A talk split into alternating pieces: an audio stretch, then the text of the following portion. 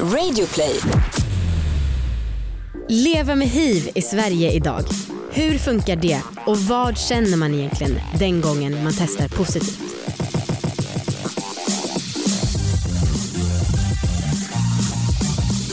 Hallå allihopa och välkomna ska ni vara till Succépodden alla våra lik. Wow, tackar så mycket. Varsågod lilla Onno. Hej allihopa, jag heter Anna Jag heter Amanda. och det här är en podd om sex, sexualitet och om att äga sina val. Bra! Stakade Jättebra. mig. Som om det var första gången jag sa det. Konstigt. Det är som vi säger i varje avsnitt. Ja verkligen. Oh, hur är läget? Eh, alltså jag tycker att min röst är så dum. Ja, Mm. jag med. Vi är många som håller med. Ja, nej men det var, jag kommer ihåg för några år sedan så hade jag eh, ganska mycket mm, stress och då så Ja. tänkte jag på att jag svalde så jävla mycket och då var det också folk som skrev det i podden. Nu tycker jag att det är tillbaka. Det är tråkigt. Ja, Ja, men eh, jag vet inte riktigt vad du ska göra åt det. Drick vatten. jag sväljer utanför Mm. mick. Bra. Eh, berätta om din fördom om mig. Ja, jag har skrivit det i vårt manus att jag har en fördom om Amanda. Ehm, jag och Marcus låg igår och då så tänkte jag på att jag tror att du Amanda har väldigt porrigt sex. Mm. Ehm, för, jag, för man har sett lite sådana bilder att vissa typ så memes och sånt, så här, Mhm. hur det ser ut i porr, hur det ser ut liksom, i vardagliga livet. Det. Eh, och att det är så jävla flum, alltså fumligt när man har sex Ja. vanligtvis. Och eh, sånt sex hade jag och Marcus igår. Han sa, Fumligt. ja, men jag hade så varit i duschen och så sa jag till honom innan jag gick in i duschen, jag bara, jag skulle vilja att du fixar det härligt Mm. eh, i sovrummet. Liksom, sätt på lite, mm, liksom, tänd lite ljus, sätt på någon härlig musik och så. Och då hade han satt upp på en spellista på min Spotify som var liksom en dålig spellista. Det var liksom lite skämtmusik typ. Mm. Och då började vi skratta, det blev konstigt, vi råkade stöta in varandras huvuden, alltså du vet hela så- mm. de sakerna. Och då tänkte jag att Amanda har det nog aldrig så här. För jag tänker mig att du har så otroligt perfekt porrigt sex hela tiden. Vilken, Tycker du att det stämmer? vilken bra reflektion. Alltså, Och alltså jag, jag tänker att det är liksom passionerat, det är liksom du och Viktor är mot varandra som djur och ni liksom typ hånglar och allting är så perfekt liksom. Ja, alltså jag tycker nog lite, det är sällan fumligt när vi väl ligger. Alltså när knullandet är igång. Det måste jag faktiskt säga. Men sen är det däremellan. Men sen är det däremellan när man ska byta ställning eller be om saker så. Ja, Då är det inte så porrigt. nej okej. Men, eh, Men det, skrattar ni någonting när ni ligger? ja. Aldrig? Nej. Alltså, det, det är så konstigt. Nej, sex är seriöst. Åh herregud, Aj, fy fan vad jag blir Ja provocerad. men vilken, gud det måste jag eh, tänka på lite mer själv och Ja. göra en eh, research på. Ja, men jag, alltså jag och Marcus skrattar nästan varje gång vi ligger för att det blir så konstigt ibland. Aha. Nej. Fan. Jaha, ja ja. Ja, jag vet inte om jag mm, skäms för att liksom jag är så Jag jävla... skäms. Nej, men för att jag är skadad av någon sorts norm eller Ja. så vet jag inte om jag blir stolt för att jag har ett porrigt sexliv. Det är svårt. Nej jag vet inte heller. Nej. Usch, men jag, usch, jag har väldigt fumligt sex. Det är tråkigt. Ja, men jag har ju sagt förut att jag tycker Marcus är som långben så det, det känns rimligt. En sexig långben i så fall. Ja absolut. Eh, jaha du och vi ska ju prata om ett för jäkla spännande ämne idag. Eh, och det är ju hiv som ju kan leda till att man får eh, könssjukdomen, gud, sjukdomen aids. Ja, Ja, jag kan så lite terminologi om det här men jag tänkte ska lära bara, oss. Ja verkligen. Jag tänkte bara säga en sak Mm. och det är att jag får ju för fan kanske två mejl i veckan om eh, min herpes. Ja. Folk som skriver och undrar hur de ska göra, hur de ska berätta för partner, bla bla bla. Alltså hela tiden och jag eh, får privata DMs, jag får DMs på vår Instagram, jag får mejl Mm. eh, och då så tänkte jag bara läsa lite statistik här från RFSU Ja. en gång för alla. Herpes är mycket vanligt och den näst vanligaste könssjukdomen efter kondylom. En majoritet av Sveriges befolkning bär på antikroppar mot antingen herpes typ 1 eller 2. Cirka 70% har antikroppar mot herpes typ 1 och 30% mot herpes typ 2. Bara 20% av de som bär viruset vet att de har herpes. 60% har symptom men kopplar inte ihop det med sjukdomen. Och resterande 20% är helt eller nästan symptomfria. Ja, Och då så tror jag att det är så att eh, herpes typ 2, den mindre vanliga, det är könsherpes Ja, och herpes typ 1, det är ju munherpes. så det är jävligt vanligt. Ja, så jäkla vanligt. Mm. Så att ehm, säg det bara till era partners och bara lär er leva med det, herregud. Ja, tyvärr. Alltså, fattar att det är skitjobbigt. Ja, Men ja, sorry. Det är jävligt vanligt och vad ska man göra Ja, när man vi- väl fått det? mm. Ja. En sak som jag också kan tänka mig är jobbigt och vad man tänker vad ska jag göra när man väl har fått det, det är om man smittas med hiv. ja, ska vi ta in dagens gäst? Jättegärna. Vi har med oss Peter Avento och eh, ja, du är hiv-positiv. Välkommen in! Välkommen! Vi är konstigt att lägga en applåd efter hiv.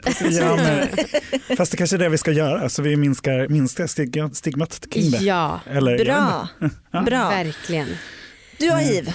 Ja, Hur eh, länge har du haft det? jag fick min diagnos 2013. Så det är sex år sedan nu. Mm. Okej. Mm. Och hur fick du det? Kan man ställa en sån Alltså, dum fråga?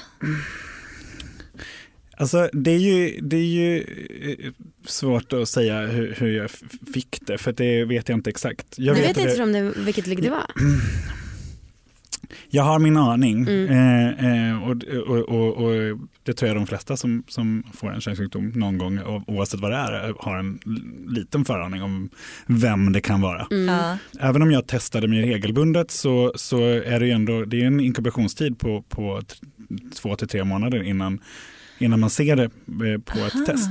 Mhm. Så det kan ju, det kan ju leda till eh, att man inte riktigt vet exakt. Det kan ju ha haft sex med två eller tre personer eller kanske tio beroende på Ja. Mm. hur aktiv man har varit. Liksom. Mm. Hur eh, aktiv har du varit med att använda kondom?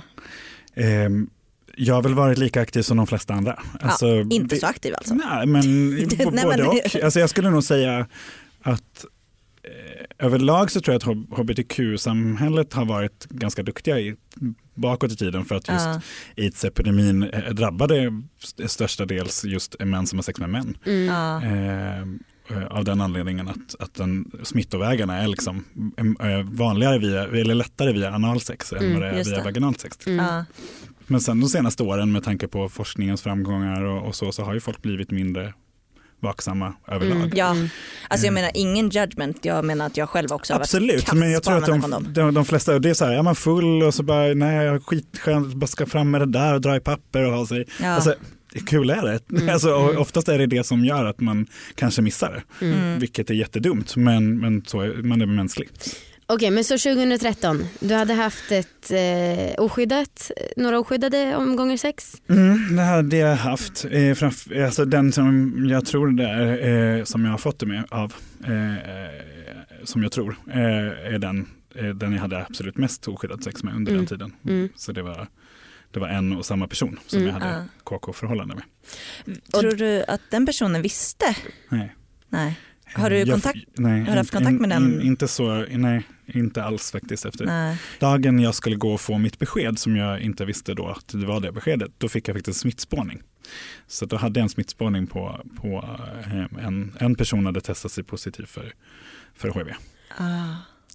Vänta du fick, eller jag förstår inte. Nej, men jag var och testade mig, så, alltså random, jag vill Vanlig. gå, ja, men jag vill gå och Vanlig testa mig. Ja, men så, jag, jag, jag, går, jag har gått, när jag har varit singel, vilket jag är nu också, så går jag oftast var tredje månad. Mm, mm, Eh, för att någon partner har jag däremellan, så att, det tycker jag är ganska skönt. mm. Ja. Så då testade jag mig på en mottagning här i Stockholm som, som, som kanske då är framförallt mest eh, för, för heterosexuella. Aha. Eh, och där, den här, det var en sjuksköterska där som, som var väldigt, väldigt nervös över hela det här eh, förfarandet när hon ringde mig. Hon, visste, hon visste ju antagligen då att jag var hiv-positiv, eller det visste hon. Ja. Hon skulle ringa och få mig att gå tillbaka för att jag måste komma tillbaka. Gör man alltid det när man testar sig för hiv? Alltså att man kommer tillbaka på återbesök eller får man det via telefon? Oftast gör du ju snabbtest idag, så då Ja. får du det samma dag som du. Jaha det är så för jag trodde det fortfarande var typ en månad som man skulle vänta på för sitt resultat. Nej, en månad tar det inte, det tar bara någon vecka. Så. Ja. Ja. Om du har fått ett smittspårning, då gör de ett blodprov. För det är säkrare. Då gör man eh, ett test som, som screenar blodet mycket mer för antikroppar då. Ja. Mm. Och är mer noggrant. Jämfört med ett snabbtest som då är på en sticka, så, som du gör en stick i fingret.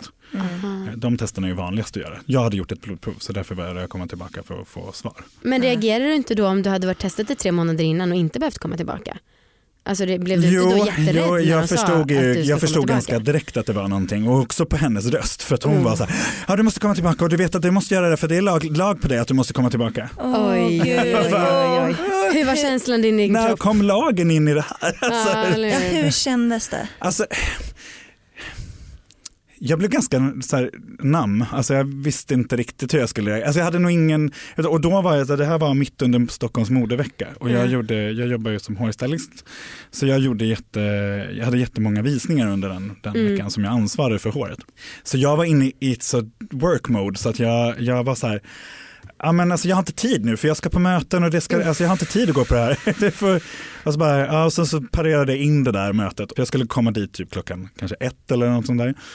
Och så hade jag varit på möte på morgonen så kom jag hem och så såg jag posten och då hade jag fått ett brev från vad jag tror det var typ så här, ja men det stod Karolinska tror jag. Mm. Eh, och, så eh, en, en, eh, och då var det smittspårning och då hade, var det en, en, en, en kille då som har som hade testat positivt för HIV. Så då var jag ganska säker när jag skulle gå dit klockan ett att det här är det här beskedet jag kommer få nu.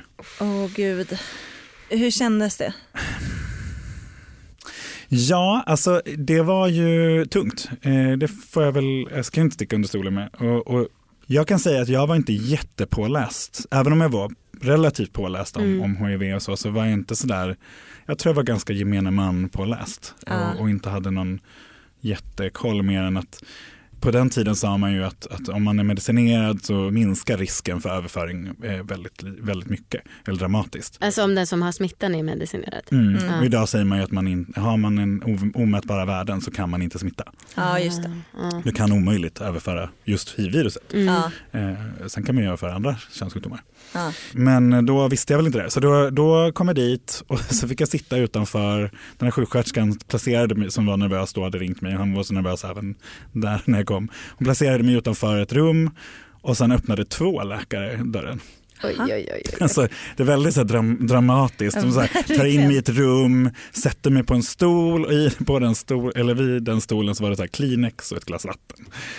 Och så Oh, sitter de mitt fram, sätter de sig ner mer framför mig och jag bara Alltså ja, Ja men eller hur, och snacka om att så här, det är inte som att man blir förvånad om det är sånt jävla Nej. mottagande. Nej, men det är så här, det, ja, ni, ni, det är det här ni kommer berätta. Det var ju liksom ingen, nej, det var ingen konstigt tänkte jag. Alltså, eller så. Den ena läkaren där som faktiskt, var faktiskt en av de en av de läkarna som har varit med sedan början av hiv i Sverige. Aha. Eh, Så han faktiskt spenderade tre timmar med mig efteråt och satt och diskuterade i, i Gud vad fint. Mm, det var jätte, jättefint. Det var världens bästa måste jag säga. Han var, eh, han, han, st- jag fick ställa alla frågor. Ah, Han eh, ja, var väldigt så, han ringde mig även eh, några- ett par tre dagar efter och frågade om jag Wow, mådde bra. Vilket gull. Vilka var alla dina frågor då när du satt med honom i tre timmar? Vad var dina första reaktioner? Jag tror att det, i och med att jag var så här allmänt kunnande så jag hade någon, något så här ett hum om att jag visste ju att jag inte kommer dö. Mm. mm. Eh, för att det kom, finns mediciner som kommer hjälpa mig. Mm. Men, men eh, alltså det var ju mycket så här stigmafrågor, hur ska jag hantera det här, vem ska, hur, jag menar, eh, vad har jag för, vad jag för skyldigheter och då fanns ju även den här informationsplikten som, som fortfarande finns i lagtext. Ja. Men efter, efter högsta domstolsbeslut beslut förra sommaren så, så har den inte nått så mycket giltighet om du har Jaha. under fullgod behandling.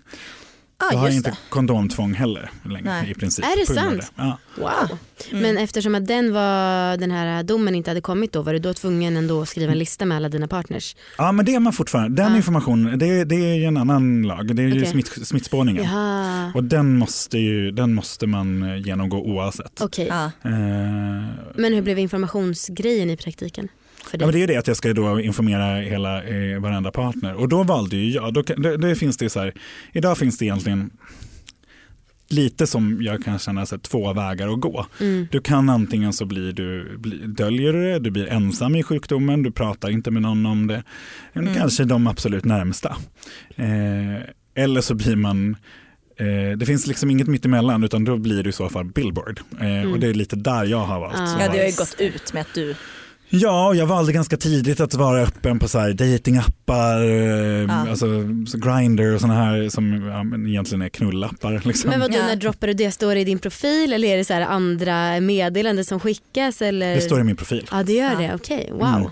Och det gjorde det ganska snabbt där. Jag tror det bara någon månad efter att jag hade fått mitt, min diagnos så Mm. tänkte jag att okej nu får jag välja ett, ett, en väg att gå. Mm. Vilken, väg, vilken väg kommer jag, eh, vilken, alltså, nu är det så här, samla information och det hade jag gjort. Det var det enda jag gjorde liksom, i princip den första månaden. Och sen så är det väl eh, eh, nä- nästa steg var väl i så fall att, att vara öppen för att någonstans bearbeta det själv. Mm. Ja. Eh, Alltså, sen tog det några månader till innan jag berättade för mamma och sådana saker. Mm. Det, men det var ja, samma år i alla fall. Men jag kan tänka mig att det är ändå ganska skönt för då har du väl inte samma så här press på så här, ska jag berätta för killen jag ligger med nu att jag har det fast han lär väl veta eh, eftersom det har stått på typ Grindr. Ja, sen har jag, sen just då, när det, när var, då var ju också, om man, alltså det har ju skett en förändring, framförallt i män som, bland män som har sex med män, i och med det så här, kan vi ta senare, men PrEP som har kommit också som är en, en lite mer typ, vad ska man säga, p-piller för hiv. Mm. Eh, man kan ta en, det är Truvada som ges i Sverige och det är en medicin som, som, då, som, som då skyddar, liksom, hjälper till att skydda överförande av hiv. Mm. Eh, eh, så, och allt sånt och sen informationsflöden som har gått och eh, för inte nämna eh, liksom, torka aldrig tårar utan handskar. det. Det var väl en ganska stor ögonöppnare för många. Ja. Och, och jag gav, gav AIDS, AIDS-epidemin ett namn och även den fortsatta, vad händer med hiv? Vad är hiv idag? Mm. Och vad, folk smittas ju fortfarande men, men de dör inte. Vi har inga, vi har inga AIDS-avdelningar i Sverige längre. Eh, och så. Med Hedvigs hemförsäkring är du skyddad från golv till tak oavsett om det gäller större skador eller mindre olyckor. Digital försäkring med personlig service, smidig hjälp och alltid utan bindningstid. Skaffa Hedvig så hjälper vi dig att säga upp din gamla försäkring. Hedvig hemförsäkring, ett klick bort.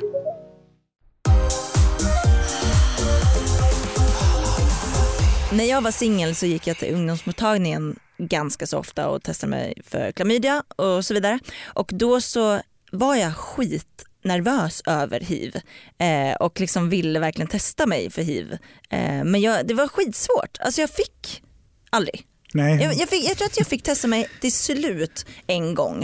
Eh, för dels så sa de så här, nej det är för dyrt och så sa de så här, ja men har du legat med någon från utlandet? Eh, alltså har du legat med någon som varit knarkare så här, med sprutor? Man bara, nej men oavsett, jag kan ha legat med någon som har legat med någon, man vet ju inte. Eh, men då sa de, det är så otroligt liten risk och så. Men då vet jag att jag blev kallad tillbaka för att få resultatet. Aha. Ja, men det var ju också ganska länge sedan. Kanske typ tio år sedan. Jag tänker att det kanske är så för att det är ett, ett sånt eh, test så att de vill inte ge det svaret oavsett. Alltså det kan väl vara så. Ja, jag. precis. Alltså det är ett sånt test man inte vill, man vill inte ge, i, i Sverige i alla fall idag, man har ju på försök på många ställen utomlands självtester hemma Ja. för HIV. Mhm. Sydafrika är också sånt, Mm. så de har jättemycket, de kan göra det på apoteken. Mm. Ja, Alltså, ja, för att folk ska testa sig. Det kanske är för att de vill ta ansvaret att faktiskt prata med folk om vad det innebär. Jag vet inte. Ja, men sen blir det så här, ibland kanske det också, som jag har hört från många straighta tjejkompisar till mig, eh, det är lite, och killkompisar också, att, det, att de nästan kan moralisera ibland kring det här och att det blir Mm. liksom en sån grej. Mm. Att, och så här, ja men hur mycket sex har du egentligen? Ja. men lite så. Eh, och det är så här, nej men okej du har bara haft sex med fem stycken, då kommer du inte ha aids. Eller Nej, hiv Ja, menar Alltså det är så här. Fast det är så orimligt så det finns inte, för det räcker med att en av Ja. dem råkar vara och ha Ja. det, kanske nysmittad och då, är då har ju miljoner med hiv, Ja. hiv-virus i, i per milliliter blod och då kommer du liksom Ja. garanterat kanske ha blivit smittad. Eller det är inte garanterat men det finns en väldigt stor risk. ja men också det, har du legat med någon från utlandet? Ja, Eller men prostituerad herregud. eller någon som knarkar. Alltså det är så här, Men ja, ska du behöva säga det Nej. alltså för att få ett hiv-test? Och det här är verkligen skillnad mellan, mellan om man är straight eller om man är, om man är gay. Ofta, Mm. eller i alla fall Ja. om man är en man som har sex med män. mm. För då är det ganska det första de gör i princip, Ja. att, här, eller erbjuda det. Och det är på, speciellt de mottagningar som Venhälsan här i, i Stockholm som är en mottagning för har sex med män och även sådana som, eh, det är en hiv-mottagning även då.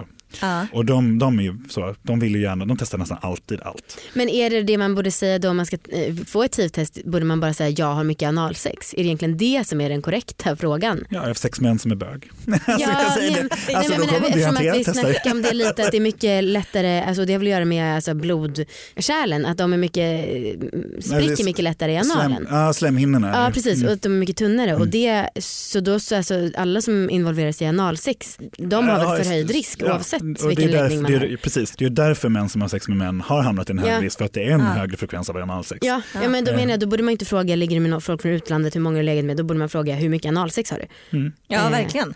Men du, jag vet inte hur jag ska ställa den här frågan ut och im- utan att implementera att du borde känna så. Men jag bara tänker på, jag höll på att dö när jag fick herpes. Kände mig så äcklig och skämdes skitmycket. Eh, Vi får ju som sagt så många mail från folk som skriver och har andra könssjukdomar. Kände du dig äcklig och skämdes du? Inte till en början. Nej. Men Eh, nu eftersom när jag ska- ställer frågan. Nej, men, nu, och nu när du ställer frågan så känner jag mig skitäcklig. Nej, men jag kände nog, nog mer i början så att jag bara så här, nu ska jag samla information, jag ska, alltså, kliniskt Mm, liksom, på något sätt. Att jag skulle bara så, få eh, veta så mycket som möjligt. Men sen något år senare då kom någon liten dipp Ja, där okej. liksom någonstans en smäll av att shit, det här har hänt. Mm, Eh. Och fy fan vad äckligt. Mm. Och det här lever i mig. Hur hanterar du Och det då då? började det få något så här, du vet man börjar se det här, för jag hade sett hur ett virus ser ut någon gång, ganska fult. Nej. Vadå jämfört med alla Nej, men det snygga ser ut som en virus? stor, nej, ja det finns säkert något snyggt virus, jag vet inte. Men du vet så man kände hur den där, den där grejen bara var i mig, fast då var jag ju, alltså redan några veckor efter att jag påbörjade medicinering så var ju mitt virus sövt. Mm. Så jag hade nollvärde. Ja, det här måste du berätta om. Vad då är sövt och hur funkar medicinerna och när togs de och påverkar de dig och allt sånt? F- Först när du, när du, när du liksom får en, en positiv diagnos så måste man kolla hur, har viruset utsatts för några mediciner tidigare? Har den en resistens mot något, något ämne som finns i vissa mediciner? Och sen ska man göra vissa blodprover också för att, för det finns vissa, vissa av de här ämnena som, som finns i mediciner så kan du kan orsaka allergiska reaktioner och, och, och sådana saker. Ja. Så då måste den kollas. Och sen får du påbörja din medicinering. Och när jag gjorde det, det var, ja men jag fick min diagnos där i slutet juli, augusti. Jag började mina mediciner i oktober. Mhm. Sen fick jag gå på tester ganska tätt inpå där för att se hur virusvärdena gick Ja. ner. Och sen, men redan, jag tror det var vi, redan test nummer två vi gjorde så var jag nere i princip på noll. Eh, så att jag var, det, och då, då, hade de, då kan de inte mäta virus, virusmängd i blodet längre. Wow. Okej. Eh, och sen dess har jag varit noll. Jag har Ja. aldrig haft en, eh, en del kan ju få så här, du vet, uppstickare från, på grund av att det har, liksom, det har missat lite mediciner eller sådana saker. Men jag har inte missat mer än en gång när mina mediciner blev tagna när jag var på en resa i Sydafrika. Då fick jag vara utan medicin i en vecka. Ja. Och det enda som händer då är att viruset kanske, kanske hinner vakna till liv. Men direkt när jag kom hem så, så började jag äta igen. Och då, Ja. Så när jag gjorde mitt nästa test så var det liksom Hur ofta testar man sig? två gånger om året. Så inte mer. I början gjorde jag jättemycket för då var jag med också så här, en koll på, ja men du vet att de testade ny medicin och då var jag med där och då fick jag åka och röntga mig och de hade en massa koll för att mediciner påverkar så här, bentätheten och sådana saker. Ja. Men annars så två gånger om året så det är det, nu imorgon ska jag göra mitt års helårstest eller det som är fasteprov. Då får man bara äta, eh, eller får man inte äta någonting innan och sen så måste du, eh, och sen gör du bl- blodprover och då gör de allt och kollar de i alla blodvärden i princip. Alltså, så det är ju som en, en hälsokontroll, liksom. Du gör liksom i princip allt, du kollar lever, njurar, allt. Det är verkligen. Hur snabbt kan man få aids? Alltså hur snabbt kan hiv gå till aids? Jag kan säga att jag har inga exakta eh, fakta där, men jag vet de vanligaste man säger är tio år Ja. från att du har fått hiv till att det blir Det är aids. så långt. Ja. Så kan det ju vara så här, har du ett väldigt dåligt immunförsvar från början, ja då är det ju lättare för viruset att bryta ner det. Ja. Det beror ju helt på hur starkt immunförsvar du har från början som kan hantera och, det, och att det i sin tur då kan hantera viruset och trycka tillbaka det. Ja. För att det gör ju det till en början och Mm. sen så orkar det inte. Och det är då den ger upp och då kommer alla de här aids-symptomen som finns. Kan inte du berätta om aids-symptomen bara så att vi... Alltså, aids-symptom är ju, eh, alltså det är ju, alltså den vanligaste var kaposis sarkom som var en, hud, eh, en hudcancer. Mm. Eh, man sett, om man ser bilder och man har sett så filmer, så här, ja, men den här Philadelphia eller vad den hette. Som Ja, var. Mm, Då ser man ju så här märken liksom, Ja. och det var märken i ansiktet. Det är Kaposi-sarkom. Det är, en hud, det är en hudcancer som bara kommer av lågt immunförsvar. Okej, Så den kan du aldrig få om du har ett normalt immunförsvar. Men, men den kan man få utan att ha aids? Om man får någon annan Ja, sjukdom en som immunförsvars, en immunförsvarssjukdom, ja, då, Ja. Då, då kan du få Kaposi-sarkom. Så, det, så det handlar ju om, handlar ju om det. Liksom. Mm. Men det var därför man i början, det hette, det hette gay cancer i USA när de kom. För att Mhm. det var, mest, det var bara det mest bögar, eller det var det enda de hade sett. Eh, och sen att, att eh, de fick den här, hade den här hudcancern då. Ja. Så då trodde de att det var en typ ny cancer som bara drabbade bögar. Mm. Vad möter du för fördomar? Jag tänker att en vanlig fördom är säkert eh, smitto, hur det smittas. Att det smittar genom saliv och genom att du andas på dem eller liksom eh, toalettringen. Eh, Ja. ja. Det kan ju inte smitta så. Det, är Nej. ju bara, det, det, det kan, det, det, där, det, där det kan smitta det är liksom sexuellt, det är den vanligaste smittoorsaken. Mm. Och det kan smitta via mm, blodöverföring. Men då krävs det ganska mycket blod också. För att Okej. du ska få, det är inte så här, gör vi blodsystrar eller så här, du vet den, den här liksom, man gnuggar lite blod. Som vi gör med alla våra poddgäster. Ja, som, vi som vi ska göra sen. Så, så, så, för att det är så härligt. Sticka varandra i fingret. Vilken sjuk ritual och som vi hade pågående bakom kulisserna. Ingen visste om det förrän folk var här och vi bara tvingade in dem. Nu ska jag sticka fingret. Eh, men, eh, nej, men om man skulle göra en sån grej så skulle inte, eh, eh, finns det näst, i, i princip ingen risk. Men Nej. det krävs lite mer än så. Och sen som sagt, har du, är du liksom som jag så kan jag ju inte smitta. Det, och det har man, och det var en partner, och det här, man hade ju väldigt många, det, det, före så trodde man, fram tills i somras var man, var, hade man fortfarande en hållning i, i svensk vård och i, mång, utomlands med, att, att det kunde smitta om du hade en annan könssjukdom.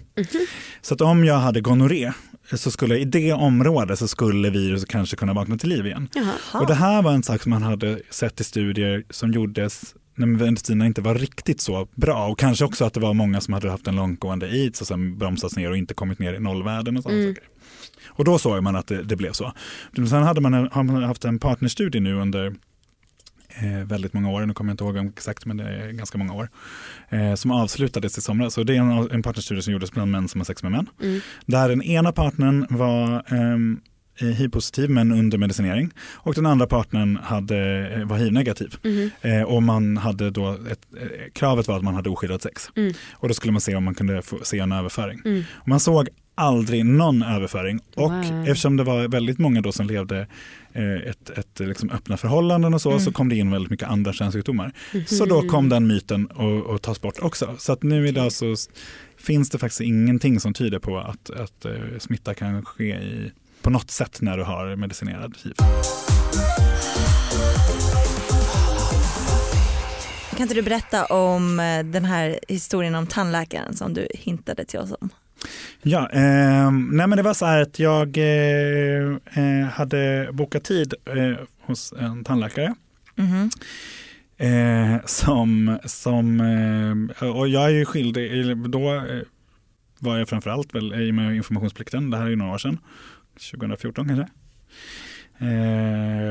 Så eh, var jag skyldig att berätta att jag var hiv-positiv. Men vad då måste man berätta för alla man träffar att man har hiv då? Alla som ska hantera dig på något sätt, om man säger inom vården och sådana saker, då är det ju Mm. Och, eh, alltså, det- står ju ofta, alltså det kan ju stå blodsmitta i din journal. Liksom. Mm, Eller mm. så, så stor, står det, jag opererade mig i somras och så såg jag min journal av, på, på skärmen och bara, ja där står det blod, blodsmitta. Liksom. Mm. Ja.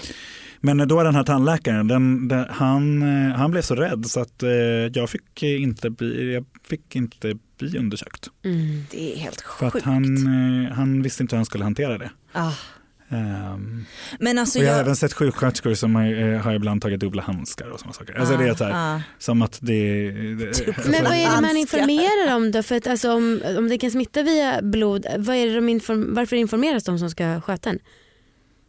ja, för att de ska ta extra Ja. säkerhetsåtgärder? Eller? För sig själva eller liksom? Alltså grejen är så här att i vården idag så måste du ju alltid utgå ifrån att någon kan ha en blodsmitta. Så Mm, därför, Ja. därför kan, det, finns ju ingen, det finns ingen i vården som idag skulle, skulle använda nål. Du använder inte nål på en patient och samma nål på en Nej, annan. Utan den, precis. den, måste ju, den slängs ju. ja. Och du har ju samma sak med, med alltså du har alltid handskar på dig för att Ja. du vet inte vem du hanterar eller vad, vad, vad den har, för, för, för eventuella smittor. Eh, Och det känns ju också jättedumt att förlita sig på att de som har en blodsmitta själva kommer ihåg och meddela om det. ja men precis, Ja, eller vet om det. Till Och det. I och med att lagen är skriven, den var ju skriven i, i den kom ju till där på slutet av 80-talet när man var så här, Aha. när man var så jävla rädd. Du vet Ja. när vi pratade om att vi skulle, det var ju alltså uppe i riksdagen till och med, man pratade om att man skulle flytta alla bögar ut, på, ut till Gotland så att de skulle, du vet i någon liten isolerad stad, som något så här litet koncentrationsläger. Ja. Då kom den här till i all den här rädslan, man visste kanske, då var man inte så säker på hur det smittade och bla bla bla. Mm. Och då ville man, eh, den här informationsplikten var, tyckte man var väldigt viktig. I de flesta länder idag så har man tagit bort den här Mhm. Informationsplikten. I Sverige har den funnits kvar väldigt länge Mm. och den är kvar då enligt, alltså den sitter ju i en lagtext fortfarande. Mm. Även om de inte är så, den är inte så verksam. Om du, om du är under medicinering är den inte verksam, annars är den verksam. Right. Men jag frågade faktiskt min eh, sambos eh, mamma om det här för hon är tandhygienist. Mm. Och så berättade jag eh, att du hade blivit ja, vad kan man säga, icke-behandlad eh, av den här tandläkaren och hon bara Åh det låter som en riktigt gammal person som inte... som Problemet inte var, han var inte så gammal, det var det som var, det var, det som var det där, så där var det på det gamla sättet sa hon. Ja, jo jag vet och Ja. det, det var ju vad jag hade hört och trodde också. Men, men, eh, men då, jag vet ju så här, sen fick jag ju rekommendationer vilka tandläkare man kan gå till och man kunde gå till tandläkaren på SÖS tror jag, och man kan, den specialist, därför, därför för att där ska det vara säkert. Liksom. Nej, men alltså, Så det finns ju så här, det, det, nu tror inte jag, att jag tror att de allra, allra flesta idag är Ah. väldigt informerade och är, är, har inte alls den här fördomen. Den här människan, eh, han hade, ja men han hade, han var rädd. Jag tror att vissa Mm. är, och vissa är det ju helt irrationellt. Alltså han, han kanske visste att det inte smittade men var rädd ändå. Blev du arg? Jag blev bara förvånad och chockad och så här, gick därifrån och bara jaha. Mm. alltså vad, alltså och jag var så här, vad ska jag skälla ut? Alltså jag skulle ju kunnat anmäla honom säkert. Det finns Mm. säkert någon så här, jo man kan anmäla till så här patientnämnd eller något sånt. det kan jag ta med. Men, Jag blir eh, arg när jag hör det. Berätta! Oj, Berätta för mig hur det har gått. om livet. Ja, Ja. med sexläxan. Mm. Ja, jag ville ju ha det förlängt Ja. med orgasm Ja. fritt. Ehm, jag har fortfarande inte fått orgasm. Nej. Jo, men vi har satt idag som knullkväll. Okej. Ja, jävlar vad vi ska komma ikväll. Shit. Men hur många gånger har ni legat då? Ehm, alltså inte jättemånga gånger, kanske fyra, fem ish. Det är ändå bra. Ehm, och jag har verkligen onanerat mer den här veckan. Mhm. Eh, Okej, resultatet Mm. av orgasmfritt i två veckor Mm.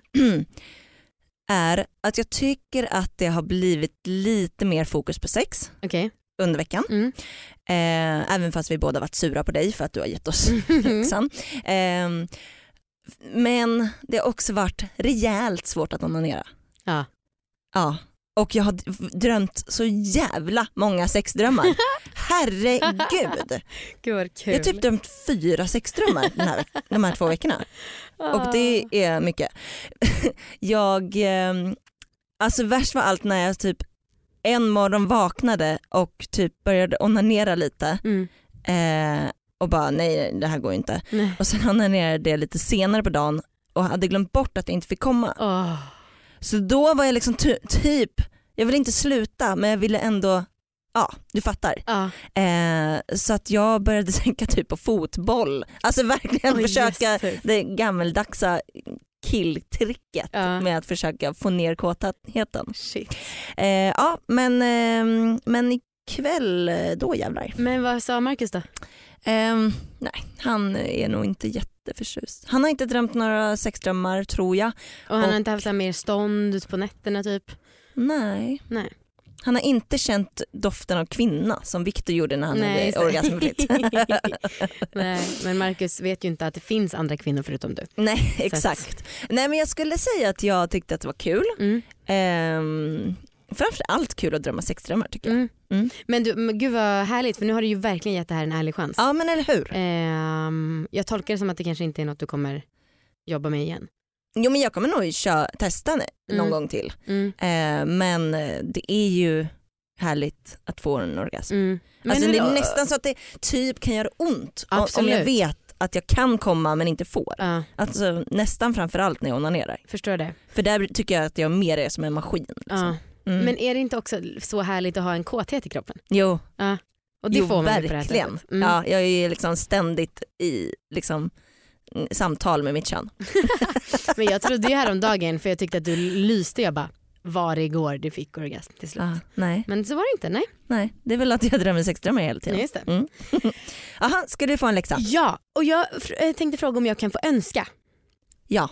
Önska, önska runt i ring, önska, önska kostar ingenting. Ja, kunde inte den. jag tänkte också på den. Eh, Aha. Ja men eh, önska på du. Ja, och jag har en jättebra anledning. För vi pratade ju häromdagen om huruvida man liksom vågar göra sexuella saker in public. Mm. Och så funderade jag på om det, alltså, när jag och Victor precis hade blivit ihop, Mm. då så klittrade ju han ju mig på ett flygplan Ja så att jag kom. Ja. Och den grejen känns så jävla långt borta idag. Ja. Alltså, och jag vet inte om det är att jag är 30 och har fått folkvett eller om det är att jag inte är så nykär längre Nej. eller vad det är. Alltså jag, ja.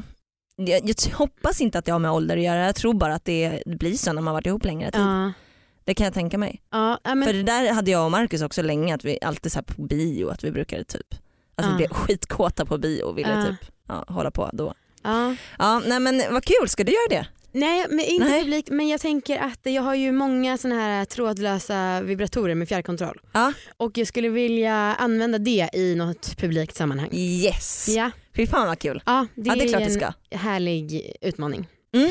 Hoppas jag får vara med. Eller alltså, Det kan vi lösa.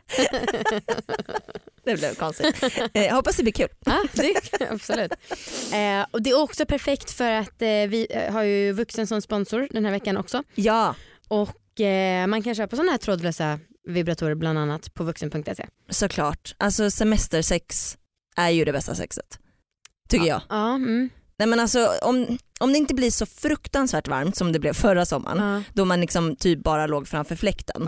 ja, Eh, så jag, jag tycker bara att man blir kåtare under sommaren. ja. Jo men man blir det. Men var- det är ju någonting med att man är lite mer avklädd. Ja, jag, och jag håller ju med dig men nu, jag vågar typ inte säga det här för att varje år så kommer så artiklar i tidningarna bara sluta tjata om semestersex, att man, det blir som prestationsångest, att man måste ha sex på semestern. Och Äh. eftersom att jag, eh, ni vet förra veckan, missöde, Ja, då men vågar inte man, jag må, säga att semestersex är jättehärligt. man måste inte ha sex på semestern men man Nej. kan ha det om man tycker att det är nice. Alla äger sina val, alla gör som de vill. Exakt. Ja.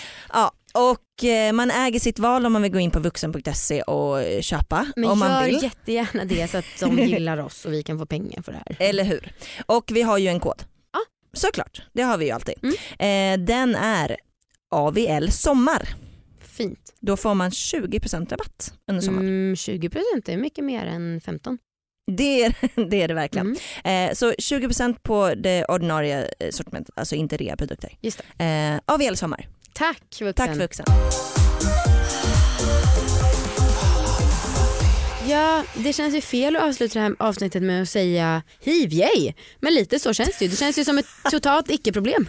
Alltså det är inget problem. Eh, problemet ligger i, att, eh, ligger i moral, mo- moral och folks förutfattade meningar. Mm. Men sen annars så är det inget problem. Jag upplever inte att det är ett stort problem att leva med det. Men nu tror jag också det handlar lite om vad man har för inställning själv. Mm. Och vad man, om man väljer att vara mer insluten så tror jag det är mycket svårare att leva med det. Mm. För att då är man ju hela tiden men rädd för att det ska komma ut eller, och jag vet Ah, ju folk som, som är rädda för att det ska komma ut i i den branschen de jobbar i och, Mm. och sådana saker för de tror att de ska bli behandlade på ett annat sätt. Ja. Eller så står man stark och bara, och då tror jag någonstans att folk bara blir nyfikna istället och Mm. frågar och vill veta och varför och hur funkar det. Var, äh, äh, alltså jag tror det blir den reaktionen istället. Ja, det tror Och då jag är det också. ett yay, alltså, Ja. på något sätt. Men alltså det här, eh, jag upplever ändå att jag och vi är ganska bra på att prata om svåra saker som är tabu och så. Mm. Men ibland när man ska prata om saker som man vet är så jäkla stigmatiserade då blir man så himla självmedveten för att man vill uttrycka sig korrekt och inte trampa någon på tårna och så. Och då så blir det svårt att prata om vissa saker. Så att jag ehm, glad för att vi har överlevt det här avsnittet. Har det varit så jobbigt för dig? Nej jag skojar, jag skojar. Ja, Men det är en alltså. reflektion, alltså, det är alltid så med så här, när man ska uttrycka sig med rätt termer och så här. Ja. Ja men som sagt inte få dig, inte, alltså, jag hoppas jag kom fram men så här, om jag säger känner du dig äcklig? Alltså en Nej, lättkränkt men alltså, person och hade jag, kunnat jag precis, skulle kunna ha blivit Mm. jättesur för en sån sak. Mm. Men jag, jag, det, det tror jag när vi hördes vid på telefon innan Mm. så kände jag att jag, jag tyckte ändå så här, var personliga, prata, Ja. gör, ställ frågor som ni tycker, tycker, de jobbigaste frågorna som finns om ni vill. Har ni några fler nu så gör det. Alltså det finns ingen fråga som är dum utan allt måste bara på något sätt upp för att folk, Ja. har, folk besitter, eller sitter på de här frågorna. Ja. Och, och någonstans om man inte besvarar dem, ja men då, kommer, ju- då föder man ju den här Ja, stigmatiseringen. och det här. ja, och de här fördomarna som liksom lever i det tysta. Exakt. Men det är ju så, man har ju fördomar om saker men eh, det Mm. hjälper väl att snacka om det. Ja Tror jag. Ja, exakt, det Ja. så, så gäller ju typ allt. Ja. man än, alltså, ja. Precis. verkligen. Ska vi fråga dig om veckans orgasmtips kanske? Ja. Vad har du för något? Men personligen så vill jag, vill, jag ha, vill jag en eller två eller tre eller fyra fingrar i röven. Mm. det, Fyra fingrar ja, det då? går så bra så. Hur lång tid tar det för dig att få in fyra fingrar i din rumpa? Oj. Och hur djupt inne ska de vara? Men, gans, ja, men alltså, du måste ju nå, nå prostatan på något Mm. sätt. Annars så Ja. är är man ju inte riktigt, det- den är ju ändå den du stimulerar lite mer. Mm. Har du lyckats stimulera prostatan genom mellangården? Alltså för de som är rädda för att stoppa upp ett finger i röven. Mm. Så kan man, ska man ju kunna stoppa mellan pungen och Det har jag anus. gjort flera gånger faktiskt. Och hur Ah. funkar När det? jag, när jag började onanera back in the days Ja. så, så hittade jag den ganska fort. Mm. Aha. Det var en av mina första så, det här är jätteskönt. Så det rekommenderar du? Ah, gud. Ska man Absolut. trycka hårt eller? Nej men du ska man- behöver inte, alltså det är liksom, det är precis, alltså det är, det är mellangården fast det är närmare, liksom, lite närmare anus. Liksom. Mm. Så då, där, det är lite så här, man känner det, det är en lite mjukare ställe. Alltså jag Mm. tycker det i alla fall, eller på Mm. mig är det. Ja, jag försöker, min kille vill inte att jag närmar mig min, mer än en meter. Va, va, varför anus. då? Vad är problemet? Ja, men han är en man som är rädd för analen. Samma, men, Varför Som är det, han alla rädd andra för män. Varför är han rädd för den? men jag tror att det är det Han med kan bajs. få så mycket njutning. Jag vet. Det är det här med bajs. Jaha, det är bajset. Ja. Ja. Men du kanske inte har sånt? Nej, jag har inte sånt. Nej. Nej, gud nej. Jag, aldrig. Jag Är det på grund av hiven? Ja, det bara försvann det. Jag har någon sån här, det bara vaporize i min kropp. Ja, ja. Peter, tusen tack för att du kom hit idag. Tack för att du Tack kom så med. mycket. Puss och kram allihopa, hejdå. Hej då. Hej.